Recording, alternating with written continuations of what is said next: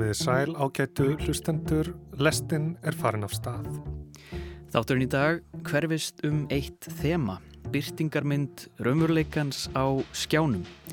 Við fjöllum um frákvarf sjómars sálfræðingsins Dr. Phil, ástina í raunveruleika sjómarfi og kvikmyndagjörningum ískáps þrif.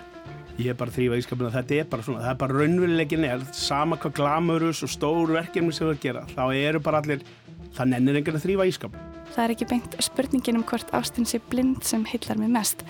Ég er nefnilega forvittnari um þetta andlega ferðalag sem þáttakendur leggja upp í með þessum splungu nýja maka sínum sem þau eiga að giftast eftir rúman mánuð. Í grunninn, þú veist, þá er hann að leika hlutverk. Veist, það sem hann gerir fyrir raunveruleiksjónvarpi er ekki raunverulegt. Það er sviðsett. Ég heiti Snorri Raffn Hallsson. Og ég heiti Jóhannes Ólafsson og þetta er lestinn 5. daginn annan februar.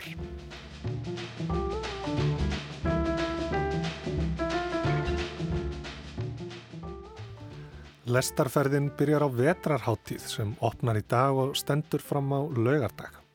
Ljós og myrkur eru alltumlíkjandi þema háttíðarinnar og helstu viðburðir eru sapnanótt, sundleganótt og ljósalist. En alls eru 150 viðburðir sem fólk getur sótt frít þar sem mikill fjöldi listamanna ber sína sköpun á borð. Eitt þessara viðburða heitir Stríðið er raunverulegt, The Struggle is Real. Það er listamæðurinn Körver Tórótsen sem sínir kvikmyndaverk í höggmyndagarðinum við Nýlendu götu. Verkið vann hann í samstarfi við rúsneska kvikmyndagerðamenn.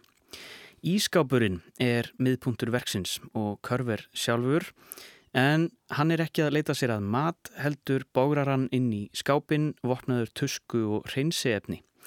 Hann gerði verkið í Moskvu skömmu fyrir Úkrænustríðið í kjölfar rítskoðunar á öðru verki og Körver er sestur hjá okkur og ætlar að byrja á því að reyfa aðdraganda þessa verks.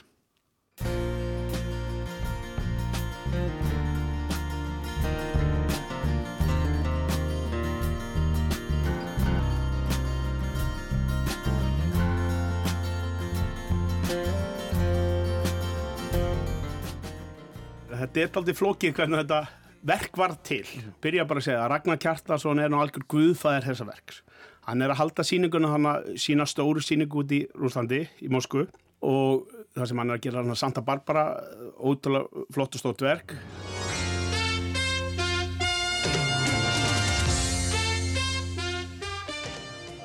Ég er búinn að koma mér í tóma afréttlösu.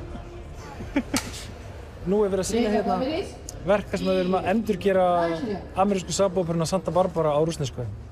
Alla fyrstu hundra þættina sem voru síndir hérna eftir fall Sovjetríkina.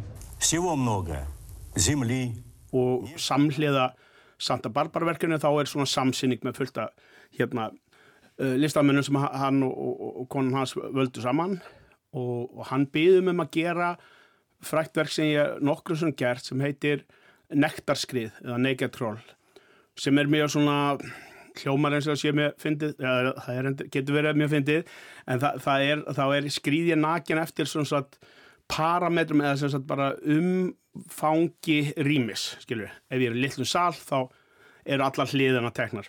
Og þetta er aldrei svona ritual og, og þetta er mjög svona samanlegt svona, þegar maður útskriða eitthvað hérna kartmaður á miðum aldrei að skrýða eitthvað nakin skilur en þú sérð þetta þá er þetta bara svona ótrúlega samanlegt. Það er bara einhver manneskja að draga sig þann áfram. Það er ekkert það er, er einlega ekkert í þessu. Þetta er bara algjörlega berskjaldadur uh, ég skrýða og þú bara ferða að hugsa um bara manneskjuna í bara rými og borgarlandslægi og bara hérna það er senna bara á tímabili þetta er bara svona mjög svona super einfalt verk sem að vekur fólk til umhugsanum um alls konar samanlega hluti. Mm. og hann byrði með að gera þetta verk í þessu rísastóru safni þannig að gerst tveir sem að, sem að er bara eins og jafnstótt og kringlan eða eitthvað. Og ég bara, já, þetta var ekki ekki og þetta, þetta verk sem sett nektarskriði hefði verið sko svona vikt þetta uh, safn. Og, og það er alveg sko sex mánuður sem farið það að hérna fá upplýsingar um vin, safnið vinnu vel með mér og þetta er ótrúlega professional uh, teikningar á húsinu, hvaða bestu leið er hægt að fara og það er teknilega þrýr fundir um það, alltaf verið að breyta leiðin til að ná svona um, eins mikið af húsnáðan að hægt er en það má ekki klassa við sko hvar fólk er að vinna, þú veist að það bara verið að vinna í húsinu og allt það og, mm. Og ég fann að lista af einhverju fimm leikstjórum eða svona kvikmyndakrúum hvernig það ætla að taka þetta upp og og við bara smell alveg við einn leikstjórnum þannig og það, það er bara svona cutting edge crew sem er með honum sem að er að fara að gera alltaf að taka þetta upp sko. allt planað, allt gegja í góðum fíling þremur dögum áður en ég flíg út þá ringir Raggi alveg bara hérna, bara miður sín að þá hafði sko, er búið bara rittskoða þetta, bara það er ekki sjans að ég megi gera þetta verkana að því þú ert nakin Já, Eða... en, en þetta er sko eitthvað stærra sko, að því að það er sko síningastjónin var til í þetta sapni var til í þetta. Þetta var einhver frá sko skoðurna aðli frá Moskvuborg sem á, þetta er eitthvað maður skilur ekki búrukjálsíðuna mm. og við erum bara, holy shit, þetta er bara hérna, af borðinu Smá en, kafkaíst Já, já, aldrei þannig sko, bara ekki sen svo með að gera þetta og, og, og þetta kvikmyndakrú sem ég er bara ótrúlega spenntur að vinna með og, og þau eru bara með búin að eða ótrúlega tíma og vinnu í þetta verk. Þau eru líka bara á ís en ég bara að fera út og, og maður er einhvern veginn að hugsa bara ok, mér langar að gera eitthvað verk þótt að þetta monumental verk eða þetta hefði verið gert. Mm -hmm. um, ég hef búin að reikna með, sko, hefði, þrjá, það hefði verið sko, tekið þrjá til fjóra daga að skrýða þetta hús sko og ég hef búin að æfa mig og því maður skerst aldrei við þetta og svona, þetta var svona rosa mikil production sem það hefði verið. En, en við, við þurfum eitthvað að finna eitthvað nýtt. Og ég er eitthvað mikið að hugsa bara á þessum þrejum dögum hana áður en við hittum krúi bara þú veist hvað hva langar mann að gera? Og, og mér langar að gera eitthvað svona samanlegt og einfalt og eitthvað sem maður bara allir geta tengt og, og, og hérna og einhver svona tenging á milli austus og vestus eða þannig og ég er að miklu pælingum og maður er auðvitað miklu stressi líka bara. Ég er að fara ja. til hérna Moskva að fara að gera eitthvað verk með kvikmyndakrúi sem er mjög ótrúlega töff liðskilur og ég er ekki með eitt í höndunum að það er búið bandið þetta og, og leiðin er ég eitthvað með að hugsa hverstasleikan og eitthvað samanlegt og eitthvað. Hitti síðan rakka úti í Moskvu í geggjaslega flottri íbúð sem var búið að retta hann, honum og fjölskyldans að búa í og bara ótrúlega glamurus íbúð. Mm. en þegar ég gefum hittan þá segir hann, já ég er nú bara að þrýfa ískapin hérna sko. Vildi ekki veruleika fróðsinn veruleika. Glóandi myrkvið og ég fer að hlæja og þú veist bara já þú ert bara búin að segra hérna hérna Moskvu, gera bara stærsta verk Íslandsögunar, skilur rísa stort verk hann sem á, er í gangi í Moskvu eða er að fara í gang og komið gegja íbúð en það er enginn sem kíkt inn í ískápin þeir sem er að leia íbúðina og hann var mm. drullu skítur og Raki er bara ég er bara að þrýfa ískápina, þetta er bara svona það er bara raunveruleikin er, sama hvað gla glamurus og stór verkefni sem það gera þá eru bara allir það nennir enginn að þrýfa ískápin mm. og, ég, ég fer ekki að hugsa um þetta og, og ég bara, já, kannski ætti ég nú bara uh, snúa þess aðeins við að því að ég er búin að vera að tala við þetta kvikmyndakrú og þau er að fara aðstofa mig að taka upp þannan nettagjörðing sem að varða ekki. Og ég hugsa, kannski ætti ég bara bjóðast til að þrýfa ískapin þeirra, svona smá gesture að hérna, við erum öll samanli hérna þótt að þau ætti að vera að vinna fyrir mig þá er ég að fara bara að þrýfa ískapin hjá þeim og, og, og, og mér og Rækkan finnst þetta bara alltaf góð laust og einhvað svona smá partur en það af þessu samanlega uh, svona smá pathos í þessu og alveg örglega ekki hægt að reykt skoða þetta verk. Mm, Þú ert ekki nakin að þrýfa Ég er ekki nakin sko að þrýfa ég er bara að þrýfa einhvern nýskap Þá fer þetta kvikmyndakrú rúsneska, Maxim og hans vinnir þau fara að hlæja og bara, ég skal bara sína mynd af ískapnum minn þá eru þau hefðu verið eitthvað grínast að því að þau þau eru svona ekta experimental filmmakers eiga sko 60mm filmur í ískáknum mm. þeir sem muna eftir gömlu filmónum í, í annarkort gömlu bara vennu ljósmyndavélanar eða kvikmyndavélar þetta er alltaf geimt í ískáp til að lengja líftíman og, og þau er eitthvað hlæg og sína og þau bara já við erum þú mátt alveg þrýfa ískápum minn það er þetta líka filmubóksana eða þú veist filmur. Og ég bara wow heyrðu hvað með þrýf ískápin og við tökum upp verkið á filmuna sem er inn í ískapnum. Í annar íbúðinni þar sem að tveir af krúinu byggu, það var svona eldgömmul, 120 ára gömmul íbúð, alveg svona mjög eins og við ímyndum okkur eitthvað hérna Sovjetríkja austur hérna svona run down íbúð og síðan var hinn íbúðin sem að hún Lísa Popova átti helmingur hún á krúnu hún var alveg ný bara smíðu uh, byggð þú veist fyrir tveimur, þreimur árum. Og það er svona eiginlega raunin nýjir raunveruleikin hann að sko og Já. leit út af eiginlega eins og svona hótelherbyggir pínulítil og þess þannig að það, það er svona kött í, í verkinu sem að maður einhvern veginn maður tekur ekki þetta eftir, þú veist, ég er að þrýfa ískap í gammal íbúð og síðan enda ég er að þrýfa ískap í mjög nýri íbúð. Þar var minnuð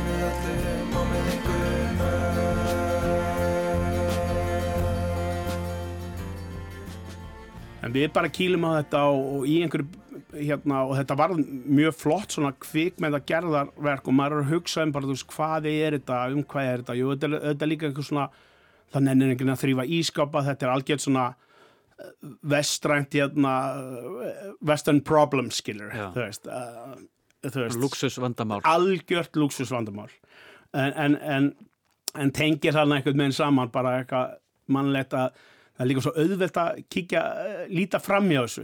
Hérna Ískapurinn er alltaf lokaður. Já, er, já hann er bara þess að nokkur sekundu þú sækir eitthvað dót þannig sem getur þú lokað.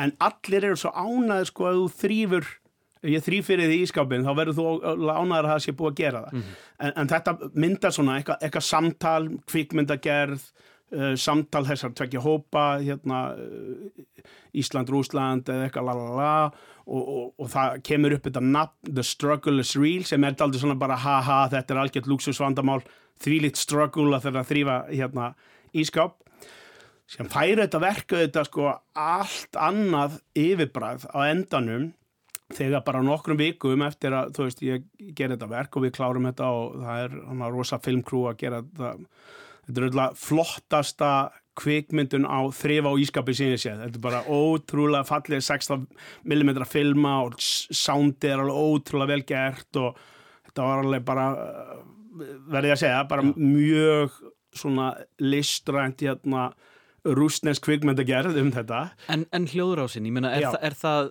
það eru þrif og skrúp og, Já, allt þetta og það, það er ekki tónlist? Var, eða... Nei, engin tónlist, það er bara þrifin sko og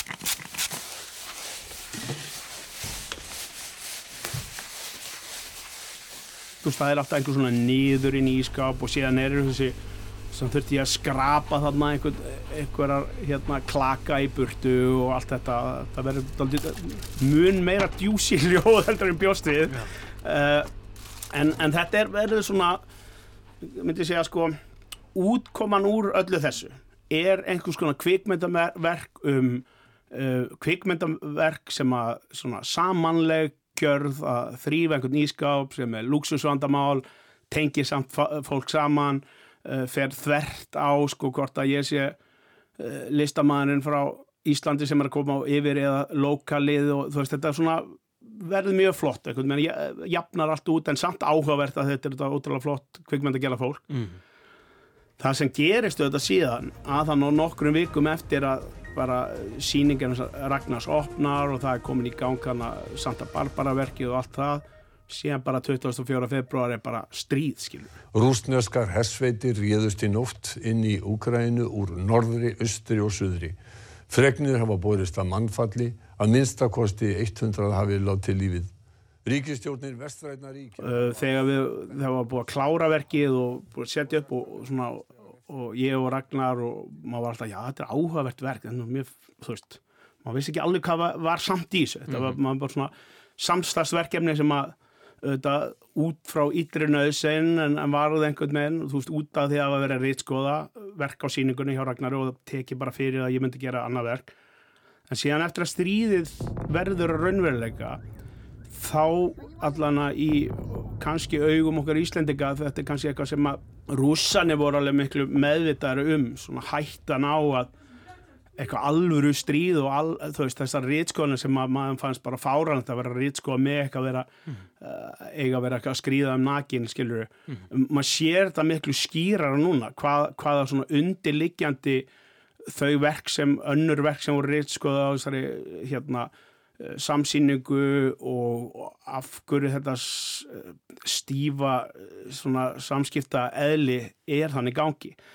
Ég maður bara bjóst ekki við þú veist, það bjóst bara engi við að þetta þú veist, maður vissi alveg að væri vesen og krimska og allt það en, en þetta er bara svo hvað getur það, þetta er svona bara algjört svona wake up call einhvern veginn, hvernig heimurinn er í rauninni skiljum við Glóandi myrkrið á við spurningum sínum sæl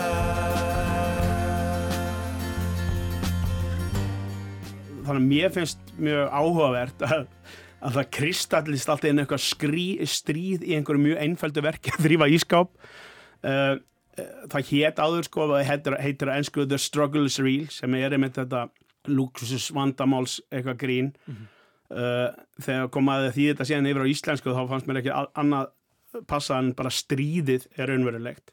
Því að þarna varði einhvern meginn Uh, luxusvandamáli er orðið að alvöru risa vandamáli bara í heiminum mm -hmm. og þessar hliðstæðir náttúrulega þetta eru alveg öfgan á milli þetta er alveg öfgan á milli mm -hmm. og ég er eitthvað með sko, ég er ennþá svona að melda þetta verk og ég hitti ná rakka núna en daginn og uh, emitt á hérna það var hérna Pussy Riot síningin Kling og Bang og þar hitti ég rakka kjátt hans og hann búin að vera að vinna mikið því. Það er líka svona annað element sko sem að þetta, ef maður verður að segja þetta vel þetta er bara, bara núna á innan við eina ári er heimurinn búin að svo gjör breytast mm -hmm. það er bara rétt rúmlega 13 mánuður sem ég gerði þetta ískapsverk skilur og, og, og bara þegar ég segja við Ragnar já ég er að, hérna, ég ætla að sína hérna ískapsverki hérna á vetrahátið og rækir segja já það er flott, þetta er eitthvað svo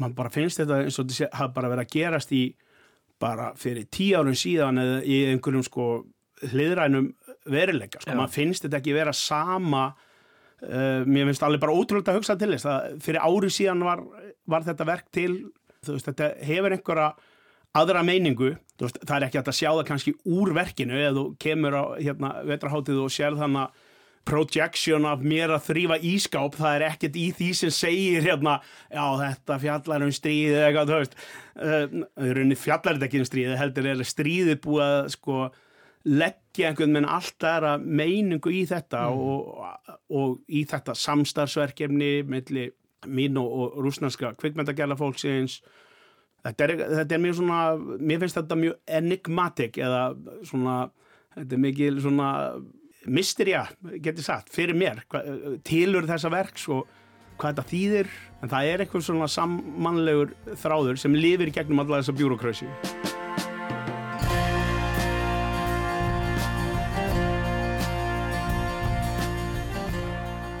Þetta verður sínt á, á vetraháttíð á morgun. Hvar verður þetta og verður eitthvað um að vera hérna líka? Verður með ískáp eða? Já, ég, ég þetta, er á vetraháttíðið mitt og, og opnar á morgun. Uh, það er sem að sapnanótt er alltaf partur af hérna vetra, vetraháttíð og þetta er í höggmyndagarðinum á Nýlendugötu sem að myndtökkurafélagið er með, með svona hérna myndtökkura, já bara höggmyndagarðin mm -hmm. og hann er allan allur núna í snjó, ég veit ekki ef það er þannig að það verður nú svona kuldalegt og, og þannig kring, þetta er bara varpað og, og stóra vekk þar og, og þetta ótrúlega góða sound fær að lifa og þetta verður sem sagt á núna á förstaskvöld og lögataskvöld í högmyndagarðinu.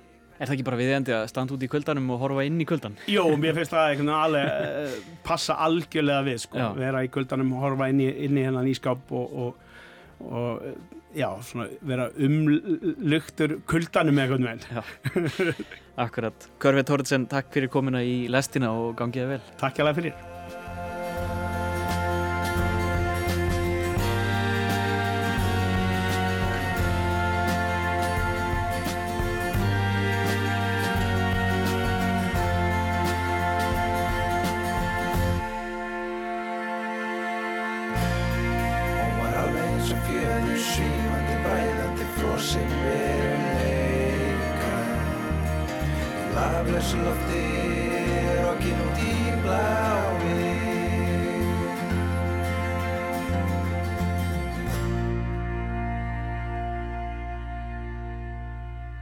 Lægið Ískápurinn með Benna Hemhem hljómaði þarna undir spjalli við Körver Tóratsen sem sínir kvikmyndaverkið Stríðið er raunverulegt á vetrarháttíð sem hefst í dag. Þetta er kvikmyndaður gjörningur Körvers þegar hann þreif Ískápa í Rúslandi. En Ástís Sól Ágústóttir er næst á mælendaskrá lestarinnar. Hún hefur verið að horfa á raunveruleika sjónvarp um fólk í leitað ástinni.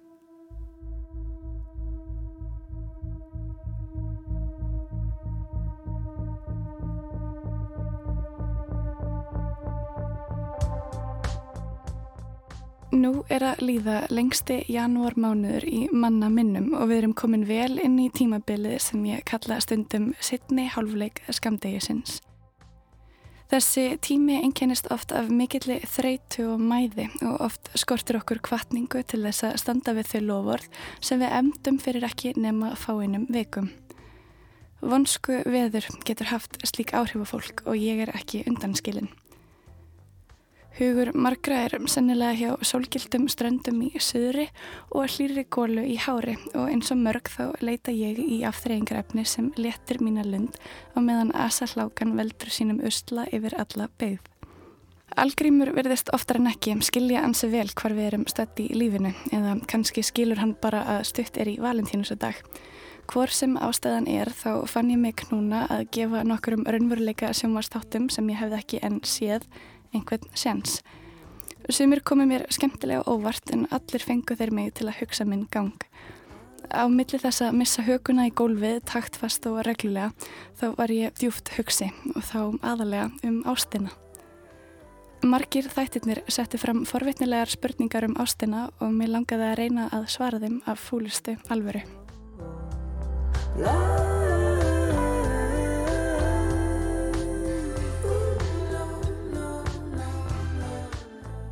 Sjómasefnið sem heitlaði mig mest og hefur hlotið heilmikla umfjöldun síðastliðin ár, bæði hér á landi sem og Erlendis, eru Netflix-tættirnir Love is Blind. Stjórnundir þáttana mála þá upp sem einhvers konar samfélagslega rannsókn þar sem henni hálfbökuðu rannsóknar spurningu er af og til varpað til þáttakenda og áhorfenda.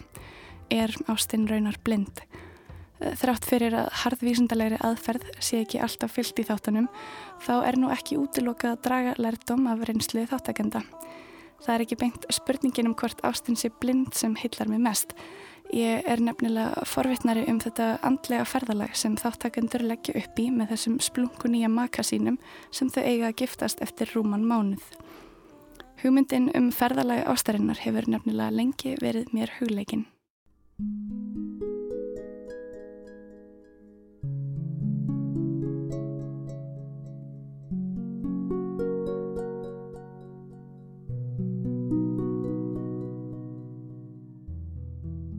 Einn sagan sem er mér efst í huga þegar ég hugsa um ferðalag ástarinnar er sagan um Erek og Enid eftir franska ljóð- og hyrðskáldi Chrétien de Troyes sem var uppi undir lok 12. aldar.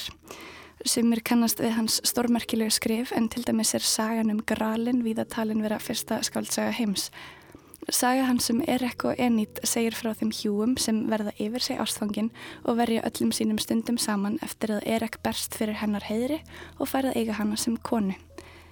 Fyrir vikið fer hann að hunsa skildur sínar sem ryttar í ringborðsins og hann lækkar verulegi áliti hjá samferðamönnum sínum. Til þess að sanna sinn innri mann og vinna aftur upp ærur sína leggur hann á staði ferðalag með Enid. Þetta æfintýri þeirra nýkvæntu hjóna verður háskalegt á köplum og augrar á einhvern hátt hugmyndum þeirra um hvort annað. Þrátt fyrir að saganum Erek og Enid byggi á öðrum forsendum þá fannst mér margt vera svo hyrðulegt við atverðli og hegðun þáttakendana í Love is Blind.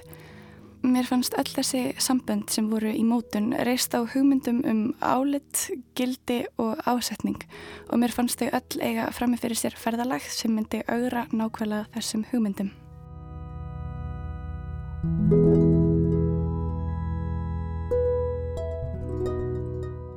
Þannig er nefnilega mál með vexti að þáttakendur Love is Blind gangast þið því að haga öllum sínum samskiptum innan úr klefa á bakvið vegg. Þau fá aldrei að sjá vonbyðla sína en geta samt talað saman, skipulegt stefnumót og kynst hvort öðru þrátt fyrir þessa sjón hindrun. Þetta umkörfi sem mætti líka við einhvers konar ástaræfingarbúðir býður upp á frjóan farveg fyrir ástina að vaksa og dafna því auk þess að vera öll á sömu blaðsi um það eitt að vilja gifta sig þá verja þau dögum sínum á stefnumótum og eru fljóta að fara á dýftina með öðru fólki. Þau glósa oft eins og þau séu að læra undir próf og þurfa að taka tilfinningaríkar ákvarðanir á met tíma. Í þessum einangraða heimi klefana ráða samskiptin og hugssjónin ríkjum. Fólk klæðist gildum sínum og álit þess á öðrum skiptir gríðarlegu máli. Pörinn draga því upp samning gagvart hver öðru sem byggist einungis á hugssjóninu um farsælt hjónaband og líf saman. Ferðalagi sem framundan er sínir okkur útspill þessa samnings hafa þáttakendur burði til að standa með gildum sínum og hugssjónum nú þegar framundan eru augrandi áskoranir.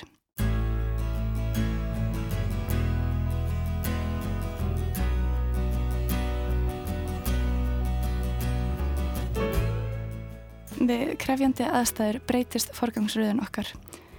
Sumir eru á því máli að álagsjálfið sé skýrasta byrtingarmynd sjálfsins gæti það verið að einhver stuttur þráður leiði inn í okkar sanna sjálf. Allt annað sé innan tóm hugssjón og óskum hver við vildum að við værum. Erek og Enid lenda að hluta til í þessu en æra Erek er nokkuð særð og í hans augum er heiðurinn eða sæmdinn óaðskiljanleg frá ástinni. Er Enid bendur honum á að vá stæði að þá særir það bæði hann og heiður hans honum finnst hún ekki treysta honum og jafnvel óttast hann að hún elski hann ekki ef hann er ekki ofarlega í hennar áliti. Hann reyðist henni og skipar henni yðurlega að þeia. Það er ekki fyrir hann lærir að meta visku hennar og innsægi og hún lærir að treysta honum að ást þeirra styrkist til muna. Það er þó ekki aðeins ást þeirra á hverju öðru sem styrkist, heldur líka ást þeirra á ástinni. Það er hversu mikið elska þau ástina sem þau sköpuðu og sambandið sín á milli.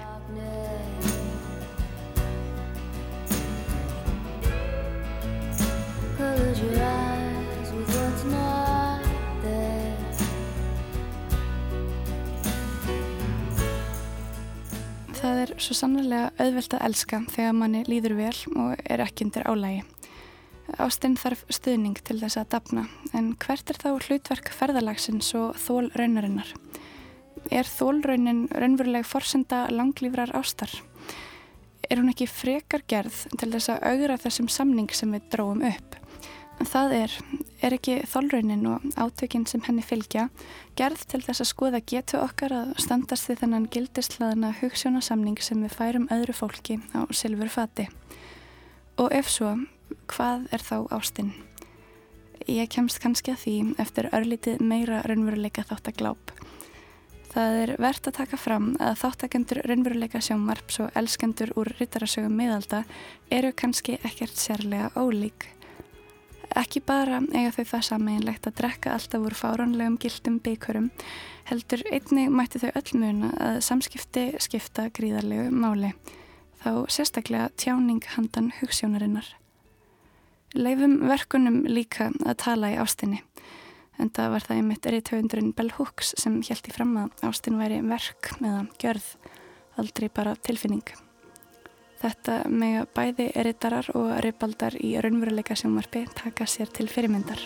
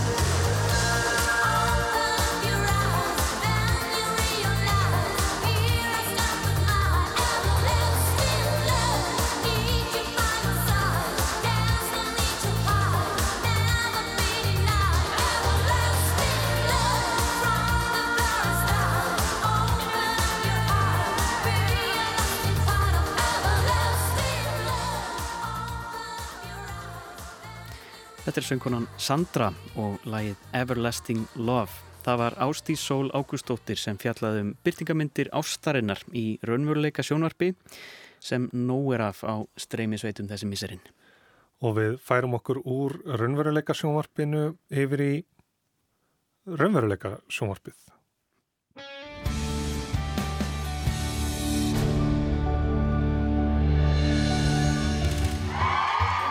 Kicking and flopping like a fish. She's on me like a duck on a June bug. I think I'd be madder than a, a wet hen myself.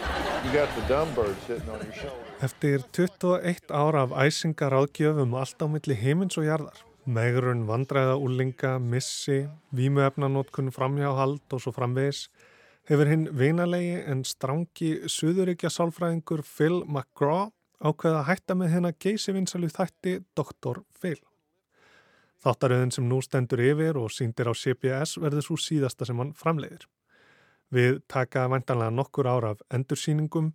Hinn 72 ára Dr. Phil ætlar að snúa sér að annars konar dagskrargerð, svo hann mun ekki hverfa af skjánum í bráð. If there is somebody in this audience who doesn't think this is wrong, then somewhere there is a village missing their idiot. Dr. Phil heitlaði heimsbyðina fyrst í spjallþætti Ópru Winfrey þar sem hann kom reglulega sem gestur og sambandsráðgjafi áður en hann fekk sinn eigin þátt árið 2002. Þættirnir eru nokkrum sinnum í viku og eru orðnir meira en 3500 talsins og þrátt fyrir að hægt en örglega hafi dreyið úr línulegu áhorfi laðar Dr. Phil enn 2 miljónir áhorfenda að skjánum á degi hverjum. Þar kemur Dr. Phil til dyrana eins og hann er klættur en undir látlausum jakkafötum fagmannsins er einfaldur sveitastrákur sem sætti sig ekki við neitt kjáftæði og ruggl. Ég er ekki svo tegund sálfræðing sem huggar þig, reykir pípu og segir tölum um mömmuðina.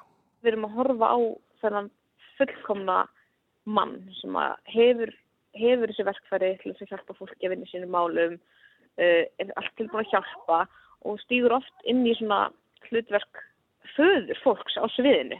Þannig að gefa þig með ráð meira þeim fórsöndum en einhverjum klínískum fórsöndum. Það er sjálf að það er einhverju svona sjúkdómsgreiningar eða eitthvað þannig live. Það er meira bara, hann er að gera einhverju fólki einhver ráð sem einhver svona bandarískur heimilisfaðir sko. Ég sló á þráðin til Salvarar Gullbrár Þórarhensdóttur, sviðshöfundar og sérfræðings í raunveruleika sjónvarpi. Hann er alltaf í rétti, hann er bara svona eins og guð í þessum sætti. Það er klappa fyrir honum og hann kemur með einhverjar uh, veist, slengir fram álíktunum um, um hvað þetta fólk fyrir að gera og, og það er klappað. Hann á að vera þessi ímynd fyrir bandarækjaman, fyrir bara svona hinn fullkomna mann veist, sem einhvern veginn bara hjálpar öðrum og, og bjargar okkur, sko, einhvern svona bjargvættur. Horður þú mikið á Dr. Phil á skjá einum? Það var alveg svona tíma hvort þetta hafi verið sínt, þú veist, á svona eftir skólatíma.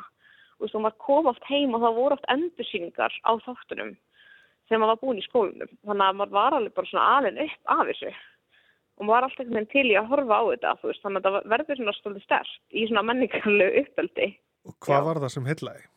Uh, þú veist, það er bara þetta mannlega drama, þú veist, eins og í þessum raunveruleikaháttum, þú veist, það er einhvern veginn alltaf svo yktar aðstæður, ykt samskipti, vandamál, fólk sem að einhvern veginn einhver vandamáls ókunnugs fólk sem maður fekk einhvern veginn bara innsýn í. Þetta er náttúrulega, þú veist, byggist svo mikið á bara svona mannlegri nýstni í rauninni. Svona algjörn nýstni að vera, þú veist, komin inn í sálfræð tíma hjá öðru fólki. Ég held að, held að hérna, mótiversjónin hafi einhvern veginn verið svo mikið þar. Maður vildi vita allt um þetta fólk. Maður vildi vita bara hvað væri svona erfitt að gerast hjá öðrum. Ég held að þetta sé svona alveg svona að þetta fer inn á svona okkar lægstu kvatir sem eru því nýstni á hérna, hvað er nákvæmlega að gera, hvað vandamálum er hann lendi veist, þetta er náttúrulega mjög svona, eins og allt reynlega svo, fer inn á svona lægstu, okkar lægstu kvatir í rauninni. Já, en svo sama tíma er náttúrulega yfirskinni það að hjálpa fólki. Akkurát og ég hugsa að margir hafi farið illa út af því að vera í þessum þáttum, það er svona alltaf svona af og til komist í frettir einhvern veginn, einhverja frettir af þessum fólki setna sem var einhvern veginn frækt í þessum þáttum og þú veist, að því að fólk er smætt á, vandamál fólks er smætti niður í eitthvað svona, eitthvað svona eitt moment í lífið þeirra. Þannig að, já, þú veist, ég held að, held að hérna, þetta hafi ekki verið gaglegt. Þegar þú fer til sálfræðings, þá er rúslega stór hluti af því akkurat þessi trúnaður á milli sjúklings og, og læknisrunni. Þú veist, í öllum svona sálskiptu, hvort sem það er sálfræðingur, geðlæknis eða heimilislæknirinn, þú veist, þú átt ekkert að vera að ræða þessi svona innstu og dýpstu mál fyrir framann áhörvendur. Þú veist, þú átt að vera að díla við þau bara með þínum sálfræðingi. Þannig að það er svona það sem er svo ótrúlega skrítið við þetta, svona ótrúlega skakt við á. Þú veist, þetta fólk var gert að svo miklu fríkum í rauninni, í þáttunum, þú veist. Auðvitað fekk það samkend með fólki og það, en, en samt svona einhvern veginn, þá er líka hvernig hann er, veist, hann er einhvern veginn alltaf að veist, hann skammar fólk, veist, hann segir bara, já, þú veist, hvað, hvað er þetta spá? Og hann talar við fólk alls ekki að þann hátt sem að, sálfræðingar gera, það er líka svona áhugavert við hann, hann er oft, hann er náttúrulega í grunninn, þú veist, þá er hann að leika hlutverk, veist, það sem hann gerir fyrir raunverulegsjónaldi er ekki raunverulegt, það er sviðsett. Og fólk oft, veist, gerir ekki hann að greina mun vegna þess að að það eina hugsa raunveruleika sjónvart eða reality tv sé raunveruleikin en það er það náttúrulega ekki. Vegna þess að þú sviðsetur þetta þá er það ertu að búa til, að til leikrit að búa til sviðsetningu fyrir fólk. Þannig að ég nein, þú veist ég held að, já, eins og ég segi, sálfræðingur myndi aldrei tala á þann hátt við fólk og gerði það sko Já, þetta líka sko, að því þetta er raunveruleika sjónvarp en samt undir yfirskinni einhvers konar spjallþáttar. Akkurat. Það er einhvern veginn líka mjög ameríst, það formir rosalega vinsalt í bandaríkjunum, þetta spjallþáttaform og, og eitna, þá er, það er til enn íktari þættir í bandaríkjunum, það er Maury Show og, og eitna, Jerry Springer og svona, það sem að þú veist, fólk er sett í þær aðstæðir að vera að díla við mjög erfi mál uh, í þessu formi spjallþátta. En auðvitað er markmiðið aldrei að hjálpa fólki. Markmiðið er alltaf að fá áhörf í grunninn, það eru fórsendir þess að þátturinn sé gerður yfir leitt hann að maður hlýtir náttúrulega að setja svona spurningamerki við það og ég efast um að þetta myndi passa við einhverju síðareglur sálfræðinga í Herlendis til dæmis. Þetta er furðulegt og þetta er skakt en maður veldir því fyrir sér hvaða gagn geti verið af svona þáttum hvort þeir séu einfallega leið til að drepa tíman, svala forvitni og nýstni þörf mannsins eða hvort þeir séu kannski eitthvað meira. Rannsókn sem gerð var við tækniháskólan í Texas síndi fram á að þeir sem horfa á Dr. Phil eru líklæri til þess að leita sér sálfræði meðferðar við vandamálum sínum. Í fjölmjöla og samskiptafræðum er að finna hugtakið parasocial relationship, einhvers konar hliðarsamband sem myndast getur millir áhorvenda og persóna á skjánum. Þeir sem horfið mikið á Friends á sínum tíma og finnst þeim þekkja Ross, Rachel, Monica og þau öll ættu að geta gert sér þetta í hugalund.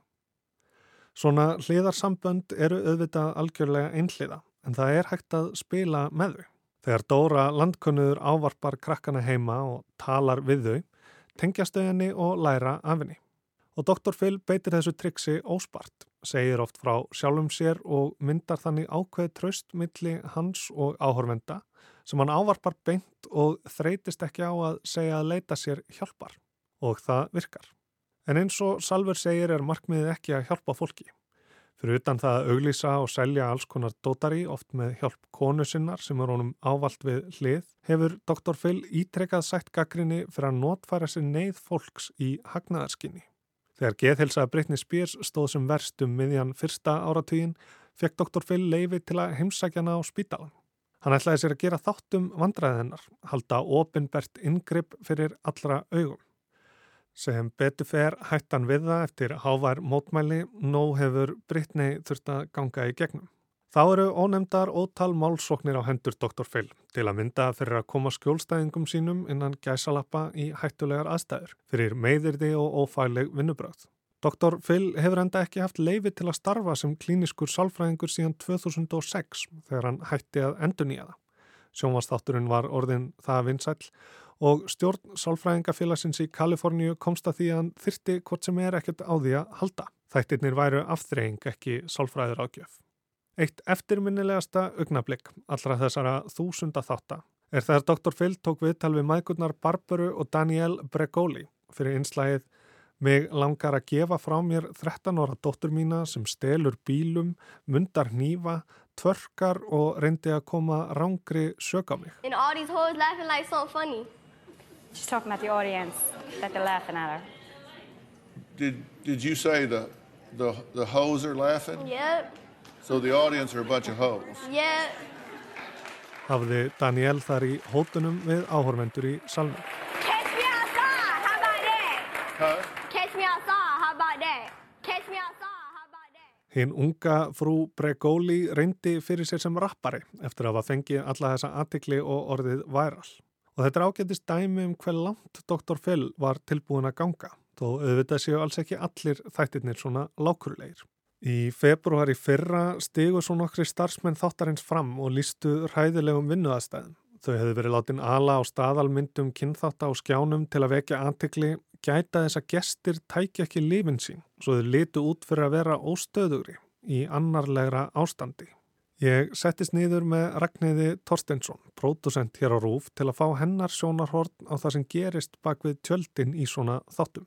Ég byrjaði á að spyrja hvar mörkin liggja millir þessa veitingrum rött og að notfara sér fólk. Já, það er kannski erfitt að svara því að því að hérna það er svolítið öðru, önnur menning á Íslandi en þarna. En, en það virðist allavega að vera í þessum þáttum að þeir fari mjög langt í að nýta sér aðstæður fólks sem við gerum ekki hér á Íslandi. En sem sagt mörkin þarna á milli ég, ég get eiginlega bara ekki svaraði vegna þess að þetta er, þetta er svo langt í frá að, að hérna að svona íslensk bladamennska og íslensk sjónvarsmennska sé í þessu á, á nokkurt máta sko.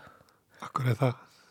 Ég held að þetta sé menningamunur, ég held að þetta sé hérna, þessi daytime television á hérna í Ameríku sem, sem þarf að selja fullt af auðlýsingum, ég held að þurfi svona svolítið að velta sér upp úr hvað er svona öðruvísi við mann sjálfan og þeir sem eiga það hafa það verð heldur maður sjálfur, ég veit ekki hvort að það er eitthvað sem sem hérna bandarækjumennu finnst gaman að horfa á. Ég held að við fengjum kannski frekar bara auðmingjarhroll og margir fá auðmingjarhroll þegar horfa á þetta vegna þess að maður sér það sem framleiðandi að þessir þættir eru náttúrulega sko, þeir eru búnir til þannig að þetta er sko eiginlega master í að, að búa til efni sem þú hérna bara kemst inn í eða langar að horfa. Þetta eru hérna öll þessi myndskeið, þau eru hræðilega, það eru sko, þú þarfst að ímynda þér að það þarf að vera kamerufólk þegar einhver er að taka eitthvað fitt eða reyður eða rýfast við konuna sína eða drekkur rosalega mikið og, og svo er þetta klift allt saman í einhverju svona móðu og mixað og þetta er búið til á alveg óendarlegan á þann hátt sem þú virkilega límist við. Og þetta er bara, þetta er bara hérna, þekking eða kunnáta og hérna, sem, sem við erum ekki að nota hér. Eða þess að við höfum þess að kunnáttu. Okkur bara, við kærum okkur ekki um þetta þessi myndskeið. Þú veist, að fara svona langt inn í líf fólks. Ég, og svo náttúrulega er þessu öllu snúið á kvolv held ég sko. Og ef atbyrjarásin er ekki nógu djúsi þá get ég ímynda mér að þeir bara búana til. Hvað bröðum beita þér til þess? Ég get sagt til dæmis að hérna, ég held að þú getur látið mér líta mjög illa út í þessu viðtali ef þú tækir það bara og kliftir það þannig að ég kynni ekki neitt vegna þess að þú ert eiginlega með þetta viðtali í höndum þér og ég held að þeir geti bara tekið myndskeið og viðtöl og klift bara það úr sem hendar þeim. Það er alls konar og takk úr samengi og, og aðalega taka þær úr samengi vegna þess að þeir, ég er alveg vissum að þetta fólk sem er svona illa á sig komið hefur eitthvað sér til málspóta en það er bara klift út þannig að þú heyrir aldrei ástæður eða eitthvað þá, já, þá, þá er þetta aldrei auðvelt að hérna bara myndskreita eitthvað svona æsi æsiskeið, myndskeið og ömulegt batn, öskrandi batn, úrlingu sem eru úr takti við heimilið og öskrar og gargar og eitthvað. Ég varst um að sé svona alla daga, sko. Einmitt. Eh, það þarf að ríkja tröst millir þess sem að framleiðir efni og þeirra sem koma sem gestir. Já. Hvaða ábyrð bera framleiðendur?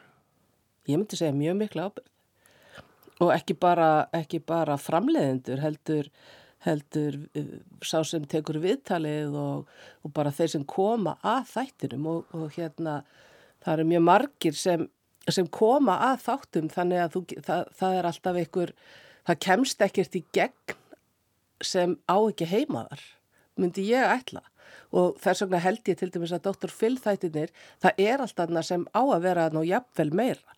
Þeir eru búin að búa til svona setja meira kjöt á beinin vegna þess að þetta er, þetta er sko, þetta er gríðarlega vinsælt og mikið áhorf og, og enda hefur hann verið sko, hefur hann verið bara mjög umdildur fyrir margt sem hann hefur gert og hérna áður fyrir var þetta kannski betra vegna þess að þá fekk fólk hjálp vegna þess að viðmælendur sækjast eftir að koma í þátt. Ég get alveg sagt þetta að því ég er að hérna pródusera okkur á milli, það er ekki margi sem ringja í okkur og byggja um að koma í þáttin. Við erum ekki með neitt svoleiðis.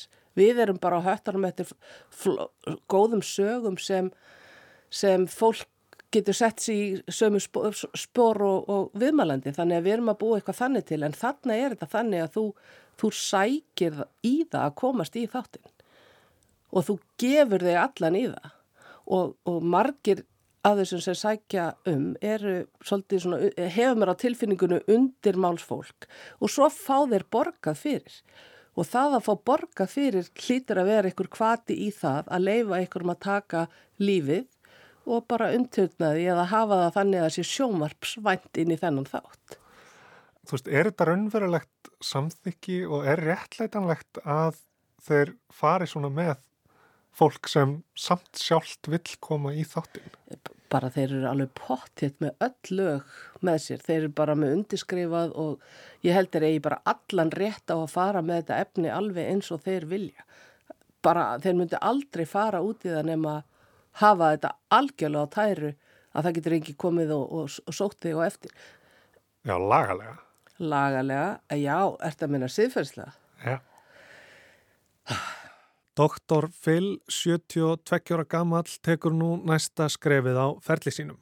Færir sig úr dagtíma sjónvarpinu þar sem hann ræðir við almóan yfir í kvölddagsgrána eins og Oprah Winfrey fyrir um auðvitað var hún frektakona áður en hún byrjaði sem hérna daytime sjónvarp. Og þar var hún með, hann, hún var náttúrulega með rosalega mikið svona kvenleg, uh, kvenlega hluti í daytimeinu. Og það hitti náttúrulega akkurat amerískar húsmaður og, og krakka í mark. Og hún fór yfir í hérna sagt á kvöldin og þá var þetta þannig að þá fekk hún svona exklusív viðtöl við fræga fólki. Það var svona meira þannig sem, sem hérna hún tók, hitt var bara svona almúin og ef Phil ætlar að fara í það líka eins og þú segir ég held að hann hafi ekki credibility í þetta vegna þess að hann hefur ekki verið svona hérna, hardcore frettamæður eins og ópravar og ekki svona, ekki svona nær ekki svona djúft til fólks eh, finnst mér. Þannig að verðanum að góðu að hann ætlar að fara þess að setja áfram. Mér finnst það norðin eiginlega bara ótrúlega gaman hann högtir um sviðið og, og dregur svo konuna sína þannig út í lokin og hérna ég held að hvort hann eigi eitthvað séns í þetta. Ég hérna, veit það ekki. Þú veist, hann er bara að fara að breyta þættinu það er ekki daytime og, og nighttime lengur. Þetta er ekkit línuleg daskra þarna frekar heldur en hér. Þú veist, þetta er alltaf breytast. Þannig að er bara, hann er bara að fara í annan viðmælanda hóp af því hann er búin að vera með svo ótrúlega mikið undirmálsfólk sem er svo það er alltaf verð og verð farið, þú þarfst alltaf að sína meira og meira og meira og ömulagri aðstæður og verri og, og, og hræðilegri þannig að hann er svo búið með þetta það er náttúrulega að fara í annan viðmælendahóp ég, þú veist, ganginu bara rosalega vel með það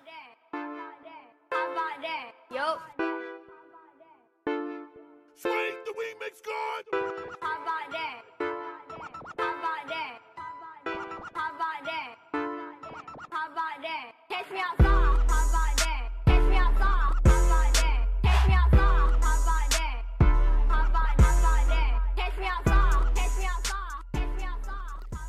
brotur læginu Cash Me Outside með Daniel Brecoli sem kalla sig Bad Babe.